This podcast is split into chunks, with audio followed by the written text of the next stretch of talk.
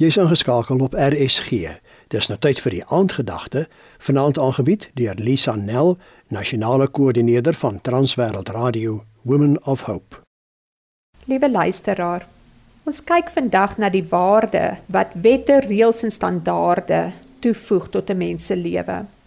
Dink jy nie sonder reëls en rigtingwysers sal daar geen orde en vrede in die land wees nie? Ja, ek stem saam. Wanneer mense die wet nie nakom nie, veroorsaak dit wetteloosheid, padongelukke en verlies aan lewens. Daarom is verkeersreëls en riglyne nodig om elke motoris op die regte pad te hou. En dit help dat ons veilig by ons eindbestemming aankom. Veiligheid en oorlewing is ook vir God die belangrikste wanneer hy Josua 1 vers 8 vir ons gee om te lees.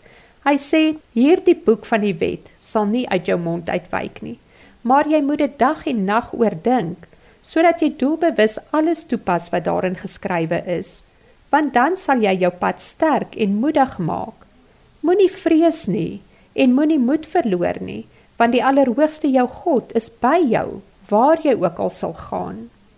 My liewe luisteraar het jy nog 'n Bybel kan jy onthou wanneer en waar jy hierdie Bybel persent gekry het? Indien jy wel toegang tot die woord van God het Lees jy jou Bybel of het jy iemand wat gereeld vir jou uit die Bybel uit kan lees? Hoe gereeld lees jy die woord? Wanneer lees jy jou Bybel? En dan kom my vraag, hoekom lees ons die woord van God? Of hoekom lees ons dit dan nie? Praat God nog met jou deur sy woord? Hoor jy werklik sy stem wanneer jy die woord bestudeer? In Psalm 116 sê die psalmdigter: Ek het die Almagtige lief, want die Allerhoogste hoor my stem. Hy luister na my smekinge, omdat hy sy oor na my toeneig. Daarom roep ek altyd deur na hom. Wanneer u na God soek, sal u die antwoorde vir u vrae uit sy woord uitkry.